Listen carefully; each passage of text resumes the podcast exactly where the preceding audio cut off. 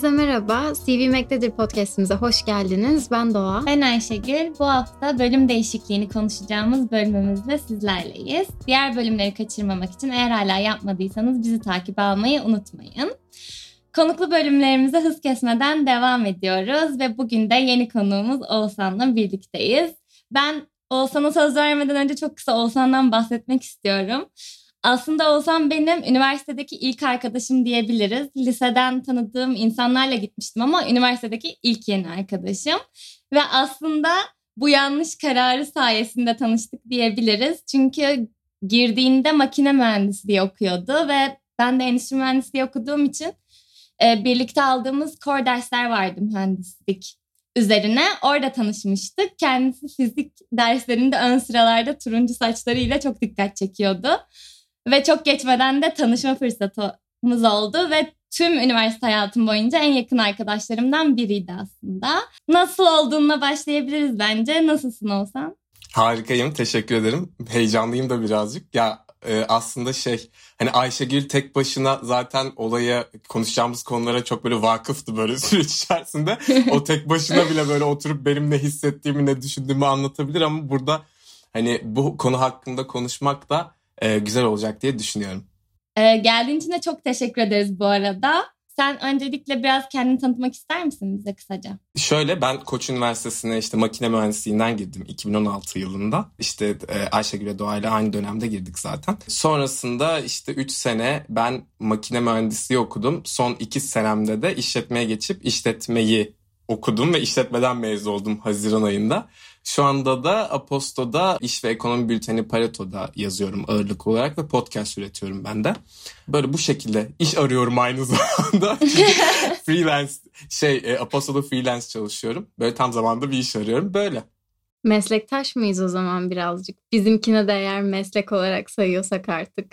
E, tabii ki canım artık meslek olarak sayılır bence bu. Yani o e, zaman işsiz bir değilsin olsan.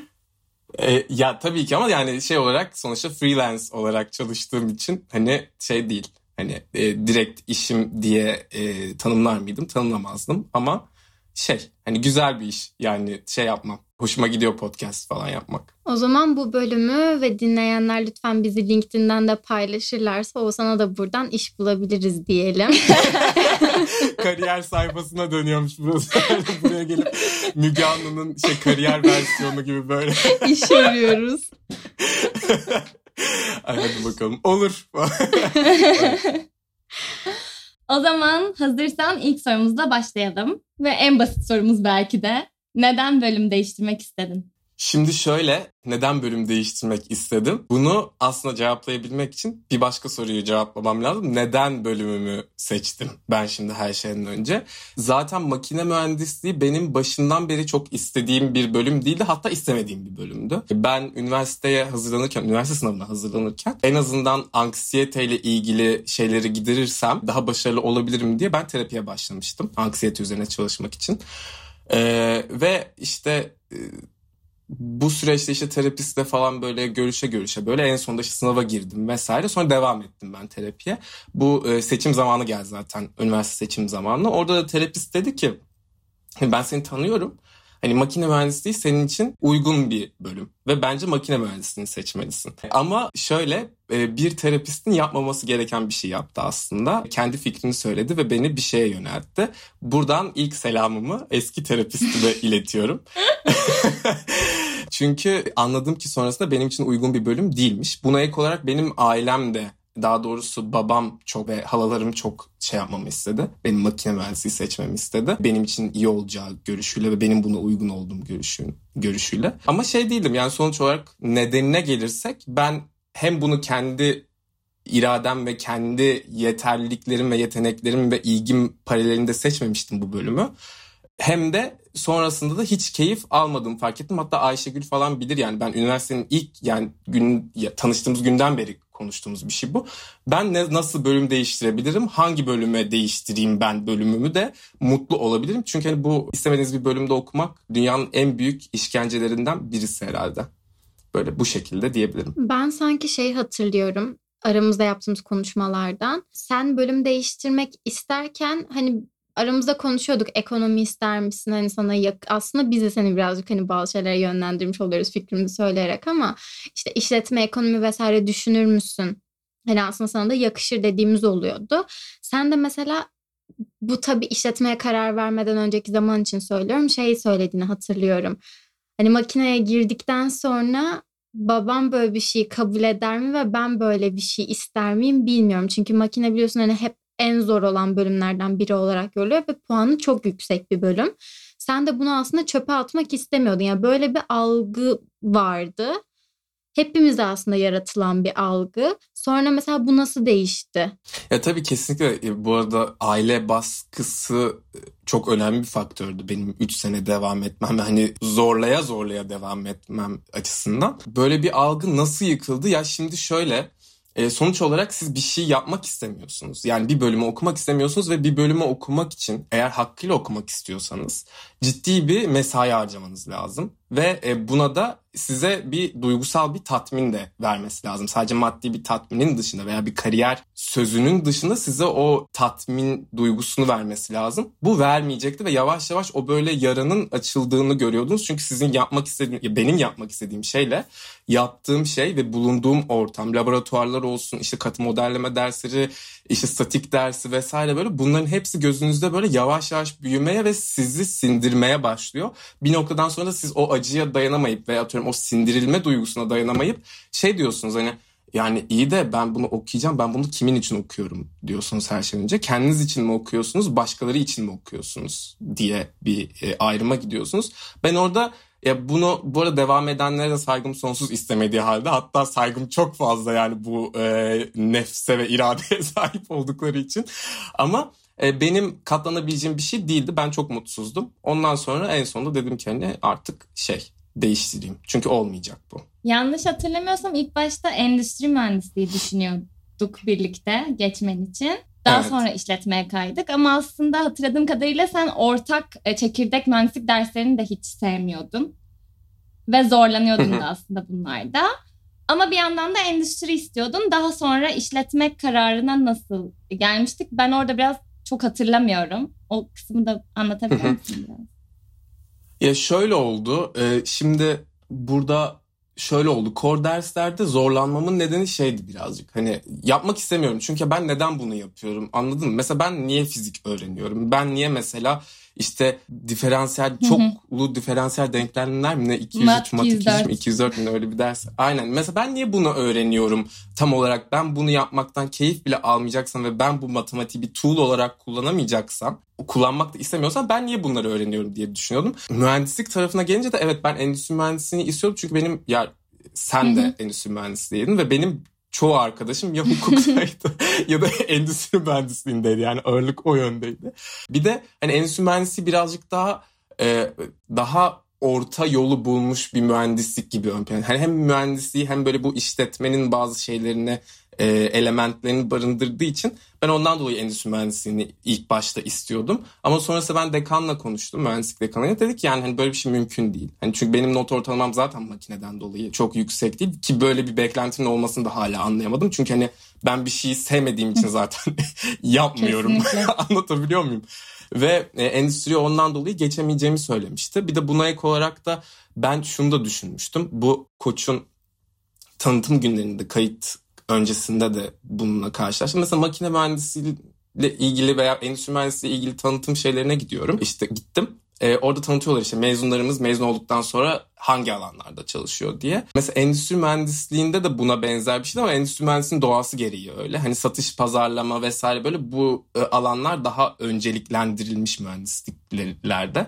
Makine mühendisliği için de aynı şeydi mesela. Yani yüzde otuzu yanlış olmasın rakamlar da yüzde otuzu atıyorum işte e, pazarlamada çalışıyor. Yüzde kırkı satışta çalışıyor. E, çok küçük bir kısmı mühendislik için ARGE ve e, atıyorum o alana niş ya daha doğrusu e, bu e, bölümün niş alanlarında çalışıyordu. Hani ben de şey düşündüm hani bunları okuyacaksam ve ben günün sonunda atıyorum makine mühendisliği için atıyorum üretim bandında çalışacaksam veya endüstri mühend- çalışmayacaksam, e, endüstri mühendisliği için üretim bandında çalışmayacaksam veya gerçekten modellemeler yaparak e, şirketlerin veya bazı iş dünyasındaki sorunları çözmeyeceksem o zaman ben bunları niye okuyorum diye bir noktaya geldim. Çünkü yapmak istediğim şey e, üretim bandı bir şey düzeltmek değildi. Veya hani ARGE'de çalışmak değildi. Endüstri mühendisliği için de buna benzer bir şey vardı. Bir de hani işletme daha esnek. Eko, ekonomi için aynı şeyi belki demek daha zor olur da hani işletme daha esnek gibi. Daha fazla alana birdenbire e, şey yapabiliyorsunuz. Ekspoze oluyorsunuz. Ve kendini daha ne yapmak istediğini bilmeyenler için iyi bir alternatif bence diye düşünüyorum. Ondan dolayı endüstriden de işletmeye geçtim. Yani şey düşünce olarak.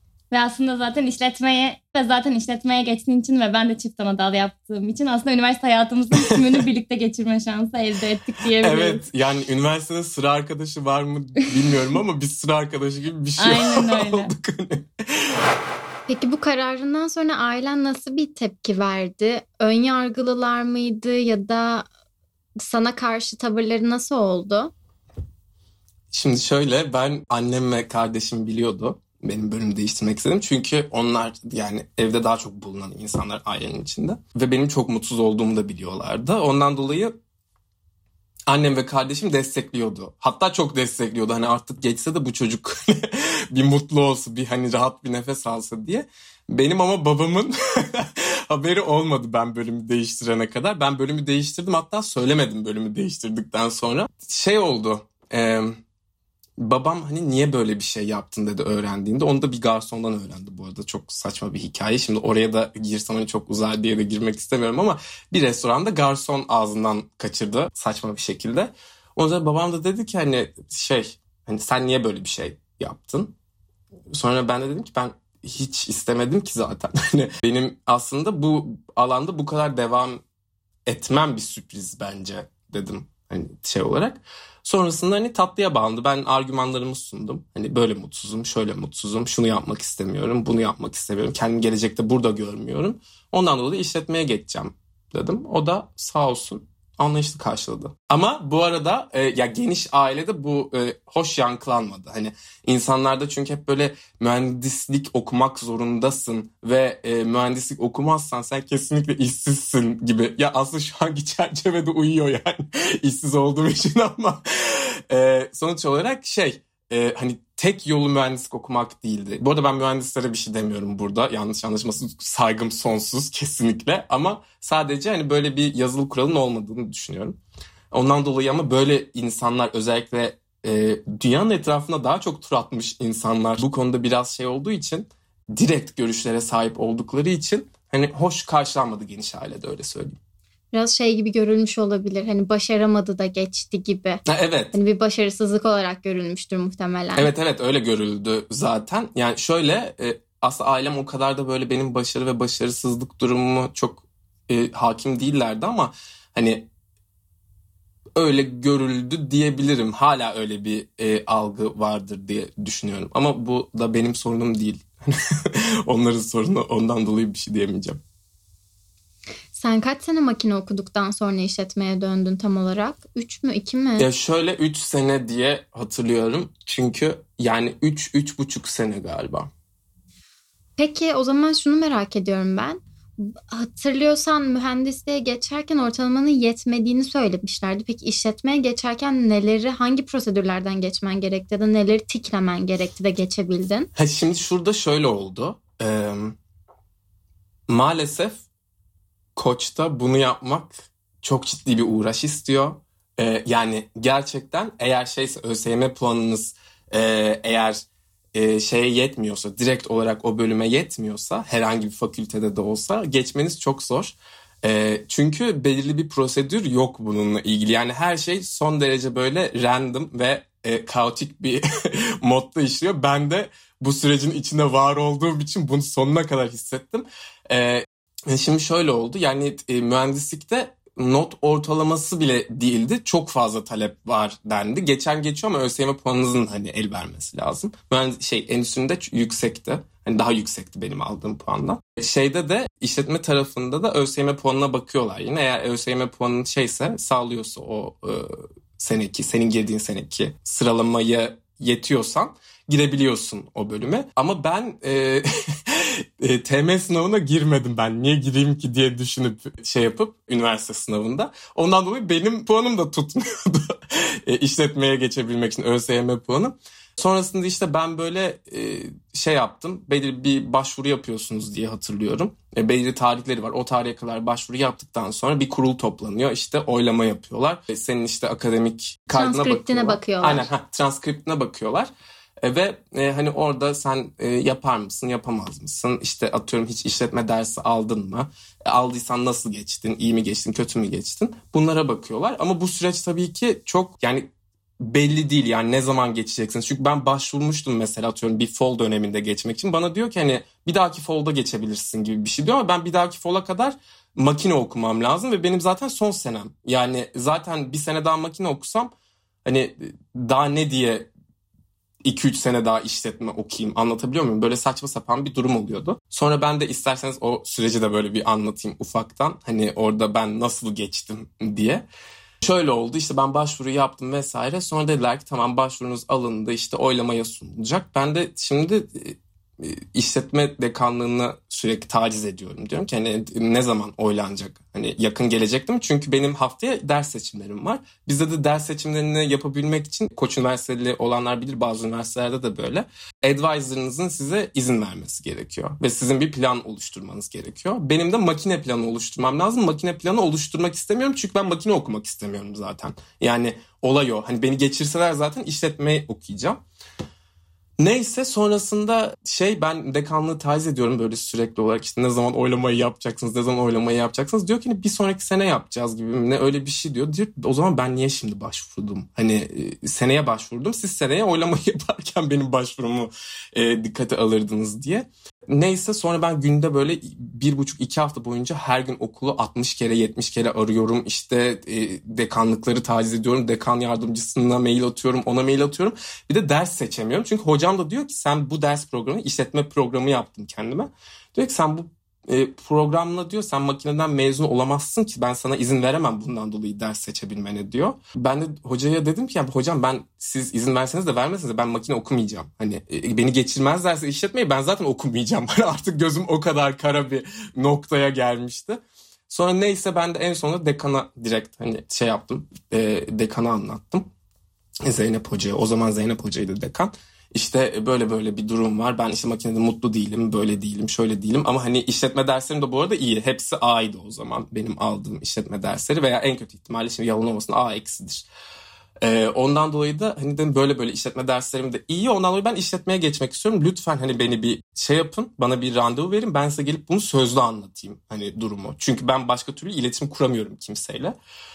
Ee, sonra neyse görüştüm Zeynep Hoca'yla. Zeynep Hoca da sağ olsun dedi hani biz zaten seni geçiririz. Hani ve bunun için seni bu kadar oyaladığımız için de özür dileriz. Hani bu bu kadar uzatılacak bir süreç değil zaten. Yani çok haklısın dedi. Sonrasında da ben bölüm değiştirmiş bulundum ve hayatımın en güzel günlerinden birisiydi benim o değişim için değişiminiz bölüm değişiminizi gerçekleştirdi diye bir mail geldi. En güzel günlerimden birisiydi. Buradan Zeynep Hoca'ya teşekkür ediyorum. Koç, Koç Üniversitesi'ne de buradan ikinci selamımı iletiyorum. bu süreci bu kadar zorlaştırdığı için. Böyle çok konuştum özür diliyorum. Bize böyle konuklar lazım aslında. O zaman şu an bu kararından memnunsun diyebiliriz. Böyle bir sorumuz da vardı. Evet. Ama oldukça memnun gözüküyorsun Ya çok zaten. memnunum. Tabii ki böyle insan arada bir diyor yani acaba okusaydım nasıl olurdu? Ama sonra mesela okusaydım makine mühendisliğine devam etseydim ve makine mühendisliğinden mezun olsaydım eee, bu şey yapsam o kadar bölümü o, o kadar dersi aldıktan sonra satış pazarlamada çalışıyorsam ben kendim öznel olarak yani çok mutlu olmazdım. Çok tatmin olmazdım bundan. Ee, ama bir noktada da makine mühendisliğin hardcore makine tarafıyla ilgili bir şeyler yapıyor olsam da mutsuz olurdum. Ee, ama işletme için böyle değil. Hani daha keşfedebileceğim alanlar daha fazla ve okumayı yazmayı da seviyorum bununla ilgili. Araştırmayı da seviyorum. Ondan dolayı oldukça mutluyum. Peki bir şey soracağım ben sana.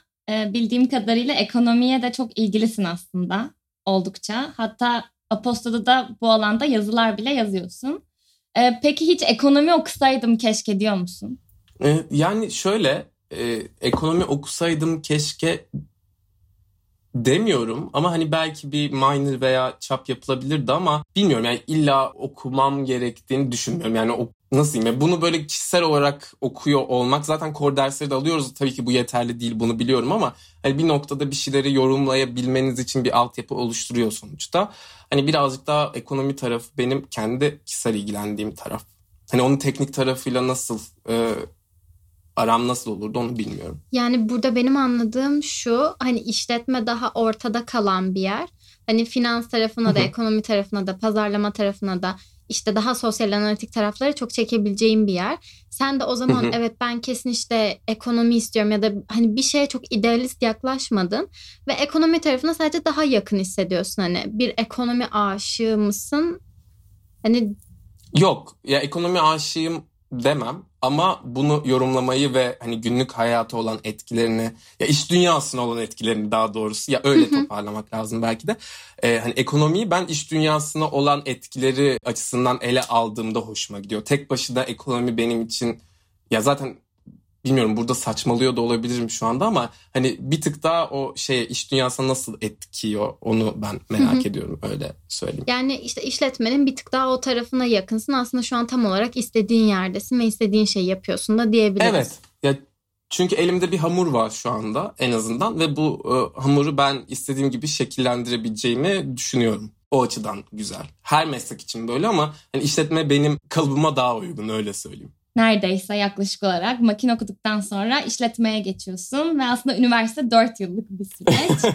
ee, bu geçişinden sonra ne kadar yıllık bir üniversite hayatın oldu? İki sene yani bir buçuk iki sene ben full galiba işletme okudum diye biliyorum. Ya çünkü yani bunu da şey yapamıyorum pandemi girdi ya araya oradaki zaman çizelgesi bende çok şey e, karıştı. iki sene galiba iki sene işletme okudum. Aslında çok da uzamadı yani 5 sene okudun ki erken de bitirebilirdin Aynen. diye hatırlıyorum ben. Evet bu arada. E, evet evet erken bitirebiliyordum. Hatta son dönem son derece gereksiz oldu bence. E, ama hani belki şimdi makineden dolayı not ortalamam çok düştü. E, ve makinenin core dersleri de sağ olsun hani şey olmadı. E, yardımcı olmadı hiç bu konuda. E, ben belki hani not ortalamamı yükseltirim falan diye böyle düşünmüştüm ama sonrasında hani o kadar da şey olmadı ya hani e, birazcık o ilk baştaki yanlış karardan sonrası birazcık şey oldu. E, gözümde çok büyüdü artık yani bir üniversitede böyle bir şey için böyle bu kadar. Yani iki sene okudum işte. İki senenin sonunda da evet bitirebiliyordum. Aslında son dönem çok da gerekli bir dönem değildi ama belki hani not ortalamamı yükseltmeye karar veririm diye e, o dönemi de okudum ama hani sonrasında dedim ki hani şey de yok staja başladım zaten son dönemimde. Sonra zaten staja da başladım. Şey de oldu. Hani e, çok da hani akademik e, ortalamamı bu kadar kasmaya gerek var mı yükseltmek için onu düşündüm. Hani bu konuda tabii ki keşke bazı şeyleri daha farklı yapsaydım diyorum şu anda ama sıkıntı da yok. Hani bir şekilde hallolur. E, çünkü akademik ortalamanın gerektiği kadar önemli olmadığını düşünüyorum bir noktada. Ya bu benim görüşüm. Tabii iş alanlar nasıl düşünüyordur onu bilmiyorum. Tam da bunu soracaktım. Yani sence şu an hani sana sağladığı bir dezavantaj var mı bunun? Ya tabii ki sonuçta ya şöyle düşünün bir yatırım yapıyorsunuz. Ee, yani zamansal olarak hani ekonomik bir boyutu da var. Sonuçta özel bir okul, özel bir üniversitede okuyorsunuz vesaire. Ee, hem ekonomik açıdan hem de ya duygusal açıdan böyle çok şey oluyor. Tatmin hissi çok böyle azalıyor 3 sene okuduktan sonra istemediğiniz bir şeyi. Ve hani ortalama olarak da sonuçta makine dersleri çok hafif dersler değil.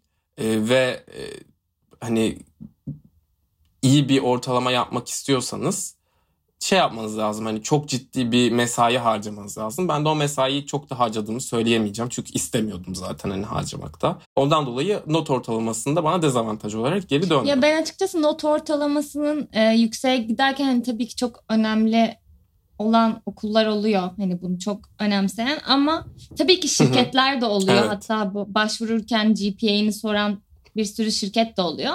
Ama genel anlamda çok da önemli olduğunu düşünmüyorum. Ya işte ben de tam olarak böyle düşünüyorum. Yani sana katılıyorum. E, çünkü zaten hani burada belki şeyi de söylemek lazım. Hani sonuçta 21. yüzyıl böyle şey bir yüzyıl olmayacak ki. Hani tamam biz bu diplomayı aldık böyle bu kadar da iyi bir not ortalamamız var her şey bitti. Hani e, çok iyi bir işte çalışacağız ve o işte de belirli bir süre boyunca yükseleceğiz ve istediğimiz şeyleri elde edeceğiz gibi bir gelecek bizi beklemiyor bence. Burada birazcık daha sürekli hayat boyu öğrenmenin e, ön plana çıktığını göreceğiz bence ileriki senelerde. E, ve aslında bir derste aldığınız veya bir dönemde aldığınız derslerin ortalamasının da hani sizin ana yeterliliklerinizde veya e, daha iddialı olduğunuz alanlarda sizi çok da e, ifade etmediğini veya temsil etmediğini bence e, görüyor olacağız ilerleyen senelerde. Bu konu aslında çok ilgi çekici bir konu. Ben birazcık bunu açmak istiyorum, değinmek istiyorum daha doğrusu. Gelecekte hani geleceğin mesleği şudur ya da budur gibi bir şey var mı sence ya da nelerin başarı getireceğini düşünüyorsun? Yani şöyle e, bunu ya şimdi tabii ki benim bunun hakkında sadece yorum yapabilirim. Hani Fikrimi çok da soruyorum. Aynen. Yani çok da doğru olacağını veya olmayacağı hakkında bir şey söylemiyorum ama ya şöyle geleceğin mesleği ne olacak onu bilmiyorum. Ama belirli şeylerin aslında ön plana çıktığını görüyoruz. Ee, nedir bu işte? Mesela sürdürülebilirlik. Çok önemli bir konsept ve büyük ihtimalle gelecekte bütün işlerin ve şirketlerin sonuna kadar dikkat etmesi gereken bir konu olacak. Aynı şekilde mesela bu insan hakları veya daha böyle insanı merkeze alan değerlerin mesela iş hayatında çok ön plana çıktığını göreceğiz belki. Ee, bir de hani iyi bir yönetişim sisteminin e, ön plana çıktığını göreceğiz. Bu bağlamda da insanların da iş tercihleri, kariyer tercihleri şekillenecektir diye düşünüyorum ama hani ne ön plana çıkar meslek olarak bilmiyorum veya hani yeni meslekler de gelebilir belki. Çünkü artık hani e, tek başına makine mühendisi bir şey çözebilir mi? Çok sanmıyorum. Veya tek başına bir işletmeci bir şey çözebilir mi? Tek başına bir psikolog e, yani daha büyük ölçekte bir şey çözebilir mi? E, çok da sanmıyorum. Daha multidisipliner ve böyle grup çalışmalarıyla ve daha farklı interdisipliner şeylerle bence şekillenecek iş dünyası ve meslekler, geleceğin meslekleri. Acaba şey mi düzen çok kompleksleşince birazcık da farklı alanlardan insanı aynı ortama getirmek gerekiyor. Hani farklı bakış açılarından aynı olaya bakmak için. Bu yüzden mi sence? Ya şöyle çünkü şey değil. Hani evet dediğin gibi kompleksleşiyor. Şimdi en basitinden belki eğitim mesela. Eğitimi ele alalım. Eğitim bundan 100 sene önce bu kadar da kompleks bir şey olduğunu düşünmüyorum. Yani çok standartize bir şekilde insanlara bir şeyler öğretiliyor e, çok temel bir müfredat var. Bunun üzerinden insanlar zaten atıyorum e, bir üniversiteden mezun olduktan sonra hatta hani artık o kadar çünkü şey ki yani eğitim prematüre ki yani bazı alanlarda en azından iş hayatına katma açısından e, zaten hani çok fazla şey de yok talep de yok, şey de yok. Ondan dolayı sonrasında direkt mesela insanlar bir işe girip o alanda çalışmaya başlayabiliyorlardı. Ama şu anda mesela eğitimin şu anki haline baktığımızda Hani bizim çocukluğumuzda bile mesela anaokulunda yani ben hatırlamıyorum bana ikinci dil öğrettiklerini veya hani üçüncü dil öğrettiklerini işte bilmem ne dersleri onlar bunlar golf kursları falan böyle bunların olduğunu hatırlamıyorum. Ama şu anda mesela oraya doğru evrilen bir şey var ve insanlar daha böyle öğrencilerin çocukların psikolojilerine sosyolojik olarak nasıl arka plandan geldiklerine vesaire böyle bakmaya başlıyor. Ne öğrenecekler? Mesela bir öğretmenin belki de e, temel eğitimde mesela önceden kodlama bilgisi gerekmezken çünkü çocuklara kodlama diye bir şey öğretmiyorsun. Şu anda böyle bir gereksinim var. Çünkü gelecek kodlar üzerinden büyük ihtimalle ilerliyor olacak ve çocuklar zaten şu anda 9-12 yaşında oyun yapan çocuklar var. Anlatabiliyor muyum? Böyle olunca da farklı sektörlerin içinde multidisipliner yaklaşımlar gerekecek. Peki bölüm başında demiştin ki ilk bölümüm beni çok mutsuz etti. Bölüm değiştirmek senin bu mutsuzluğuna çözüm oldu mu? Şöyle diyebilirim. Mutsuzluğuma çözüm oldu mu? Hayır. Ama en azından e, mutsuz oldum. Yani şöyle söyleyebilirim. En azından mutlu olabileceğim bir kariyer inşa edebilmem için bana bir fırsat verdi. Ya yani bu çünkü sonuçta 3 senelik bir kayıptan bahsediyoruz burada. Ve hani 3 sene boyunca böyle bir şeylerden feragat etmiş oluyorsunuz kendi yapmak istediğiniz. Onu da kompanse etmek böyle o makas zamanla kapanacak bir şey. hani daha iyi bir gelecek sağlayabileceğine inanıyorum. Çünkü bunu yapmaktan veya bunu okuduğum için mutluyum bu bölümü işletmeyi ve bu alanda da çalışmak, okumak, araştırma yapmak ve hani bu bağlamda çözüm üretmek bir noktada eğer yapabilirsem hoşuma gidiyor. Ondan dolayı beni tatmin edeceğini ve dolayısıyla mutlu edeceğini düşünüyorum bir noktada. Peki bu kararını şu an hayatındaki rolünden birazcık bahseder misin? Mezun olduktan sonra ne yaptın, neler yapmak istediğin, nelerle karşılaştın? Biraz buralara girebilir miyiz? Yani şöyle oldu. Şöyle ben zaten hani mesela makine mühendisliğinde o zorunlu stajları hiç saydırmadım. Hani çünkü bir noktada şey yapabileceğim için, geçeceğimi düşündüğüm için hiç öyle bir şeyim olmadı. Sonrasında işte ya baktığımızda aslında ben pazarlama stajı da yaptım. Hani e, daha doğrusu pazarlama üzerine de çalıştım diyeyim. Satışla ilgili de çalıştım ama bunları biz yani kendi ailemin yanında yaptım yani bunları. Sonrasında işte başka bir yerde proje yönetimi yaptım. Proje yönetimini de şuradan şey yapmıştım. E, Ayşegül'le yine beraber İspanya'ya gittik. Esade'ye. Esade'de işte ben proje yönetimi dersi almıştım. Ondan sonra ilgimi de çekti. Dedim bununla ilgili de bir staj yapayım. Hani e, o da eksik kalmasın bakalım nasıl bir şeymiş vesaire. İşte okurken bir yandan onunla staj yaptım ama sonra devam etmeme kararı aldım. Sonrasında da aslında bana en güzel şeyi şu oldu. Hani e, iş dünyasında olan biteni anlamak ve üzerine böyle araştırma yapıp hani fikir yürütebilme becerisi verdiği için mutluyum ve bu kazanımı da bana sağladığı için de mutluyum. E çünkü şu anda bakınca hani podcastler mesela aslında bunun üzerinden ilerliyor yaptığım podcastler. Yazdığım yazılar da yine bunun üzerinden ilerliyor. Bir de hani şunu da görmüş oldum. Şimdi hani bir yandan ya makinede de hani o kadar da işler acısı bir hani evet çok iyi değildim onu kabul ediyorum ama en azından bir şeyleri anlıyordum. Anlatabiliyor muyum? Hani Oradan öyle bir altyapı oldu. Şimdi işte işletmeyle beraber o işletme tarafını da hallettim. Bir daha böyle hani farklı alanlarda da okuyabiliyorum vesaire. İşletme bana hani üzerine şey oldu diyebilirim. Hani çok güzel bir head start mı denir buna? Hani bir başlangıç verdi diyebilirim. Ee, peki o zaman e, bölümünden mutsuz tüm öğrenciler için bir dakika bile durmasınlar ve elin, ellerinden ne gerekiyorsa yapsınlar der misin? Şu an baktığında geriye? Şimdi burada şu önemli. Burada çok şey mi, impulsive mi karar veriliyor yoksa hani gerçekten bunu istiyorlar mı? Bunu bir saptamak lazım. Bir de hani gerçekten kendileri istedikleri için mi bir şey okuyorlar yoksa başkaları istediği için veya başka bir motivasyonla mı bunu okuyorlar? Bunu anlamak lazım. Eğer hani bunlara verdiğiniz cevaplar sizi e, bölüm değiştirmeye yönlendiriyorsa veya hani böyle bir şey yaptığınızda harita çıkardığınızda hani olur ya işte bölümden memnun musun? Evet hayır o zaman hayırsa işte bölüm değiştir gibi böyle bir şey varsa hani o e, haritayı çıkardıktan sonra ona göre karar vermeleri gerektiğini düşünüyorum.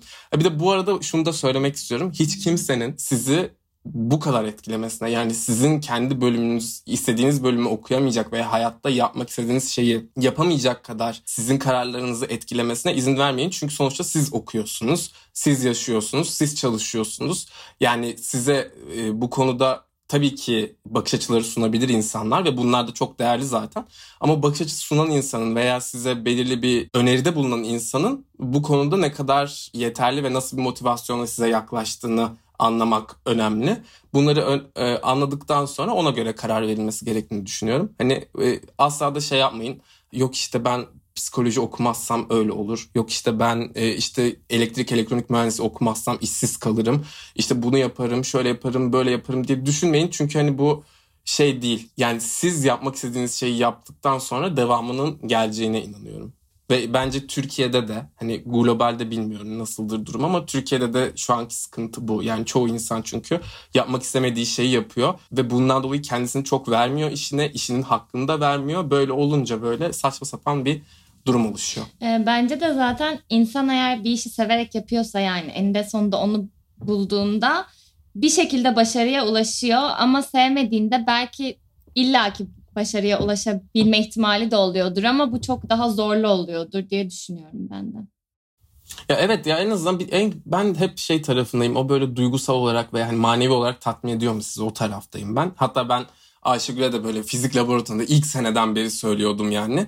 Ben böyle sabah kalktığımda kendime ihanet ediyormuş gibi kalkmak istemiyorum yani. Ben sabah kalktığımda bir şey beni kaldırsın, bir işim olsun ve ben o işi seveyim ve ben onu yapayım. Oturup da ya tabii ki bu işin içindeki her görev kalemini veya o sorumluluğu severek yapacağım anlamına gelmiyor ama en azından bir tutkuyla yapayım o işi. Eğer şey olmayacaksa ben o tutkuyu kendi içimde hissetmiyorsam bunu nasıl hem çevreme aktarabilirim hem işime aktarabilirim ve anlamlı bir değişime veya en azından gelişime neden olabilirim diye düşünüyorum açıkçası. Ve umarım da ya bu da e, kolay böyle bunu ben yaptım demiyorum şu anda. Hala yap- yapabildiğime inancım tam yok ama hani bunu yapabilmek için en azından çalışmak gerektiğine inanıyorum.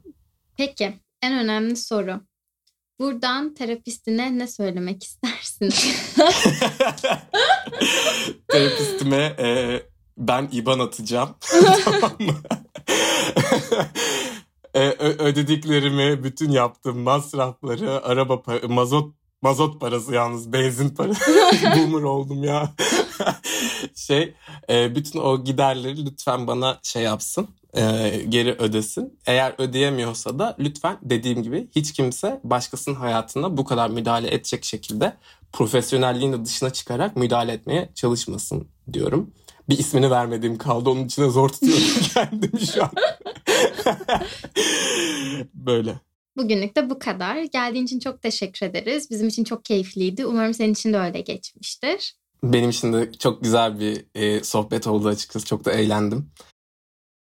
Zaten hani normalde de hani ben bunları çok çok anlattığım için hani böyle Ayşegül dediğim gibi büyük ihtimalle ezbere zaten hani bunları cevaplayabilirdi ama beraber konuşmak da çok güzel oldu. Teşekkür ederim ağırladığınız için. Ben de anılarımı tazelemiş oldum bu sayede. Evet soru işaretlerini de gidermiş oldun mesela Aynen endüstriden öyle. falan nasıl oldu diye. O zaman eğer bu bölümü beğendiyseniz tüm sevdiklerinizle bizi sosyal medya hesaplarınızda paylaşırsanız çok mutlu oluruz. Sorularınız ve aklınıza takılanlar için bize her zaman mail adresimizden ulaşabilirsiniz. Tüm linkler, bilgiler, bize ulaşabileceğiniz tüm adresler aşağıda açıklamalar kutusunda. Sizi seviyoruz. Bir sonraki bölümde görüşürüz.